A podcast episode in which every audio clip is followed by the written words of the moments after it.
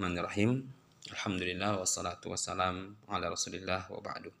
Para wali santri dan wali murid yang rahmati Allah Subhanahu wa taala. Semoga Allah taala senantiasa menjaga kita. Uh, kita uh, telah mengetahui bahwa uh, tujuan kita diciptakan oleh Allah taala di dunia ini untuk beribadah kepadanya.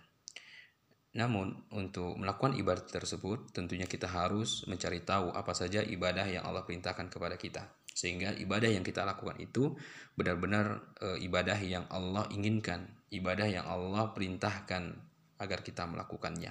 Jangan sempat kita melakukan ibadah, kita yakini itu ibadah namun menyelisihi apa yang telah disyariatkan oleh Allah Subhanahu wa taala. Lalu bagaimana agar kita mengetahui ibadah yang kita lakukan sesuai dengan apa yang Allah Subhanahu wa taala perintahkan, sesuai dengan apa yang Nabi Shallallahu alaihi wasallam ajarkan kepada para sahabatnya? yaitu dengan senantiasa menuntut ilmu syar'i. Al-Imam Ibn Sayyid rahimahullah ta'ala berkata, tidak sama orang yang berilmu dengan orang yang tidak berilmu, sebagaimana tidak sama orang yang hidup dengan orang yang mati, orang yang mendengar dengan orang yang tuli, dan orang yang bisa melihat dengan orang yang buta. Ilmu adalah cahaya yang bisa dijadikan petunjuk oleh manusia sehingga mereka bisa keluar dari kegelapan menuju cahaya yang terang menerang. Ilmu menjadi sebab diangkatnya derajat orang-orang yang dikehendaki oleh Allah Subhanahu wa taala. Allah Ta'ala berfirman, Yarfa'illahu alladhina amanu minkum walladhina utul ilma darajat. Wallahu bima ta'maluna khabir. Ya, niscaya Allah akan mengangkat derajat orang-orang yang beriman di antara kamu dan orang-orang yang diberi ilmu beberapa derajat dan Allah Maha teliti apa yang kamu kerjakan.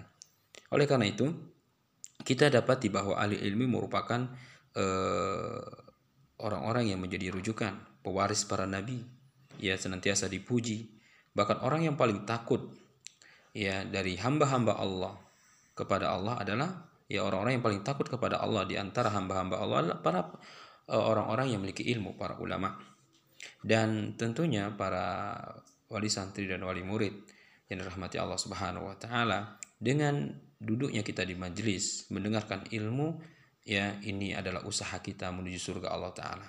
Karena dengan itu kita akan mengetahui apa yang harus kita lakukan agar kita sampai kepada surga Allah Subhanahu wa taala.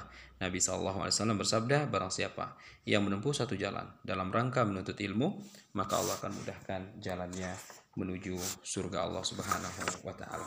Oleh karena itu, eh, mari kita bersama-sama menuntut ilmu syar'i, datangi majelis-majelis ilmu agar kita mengetahui apa yang telah Allah wajibkan untuk kita dan apa yang Allah larang untuk kita.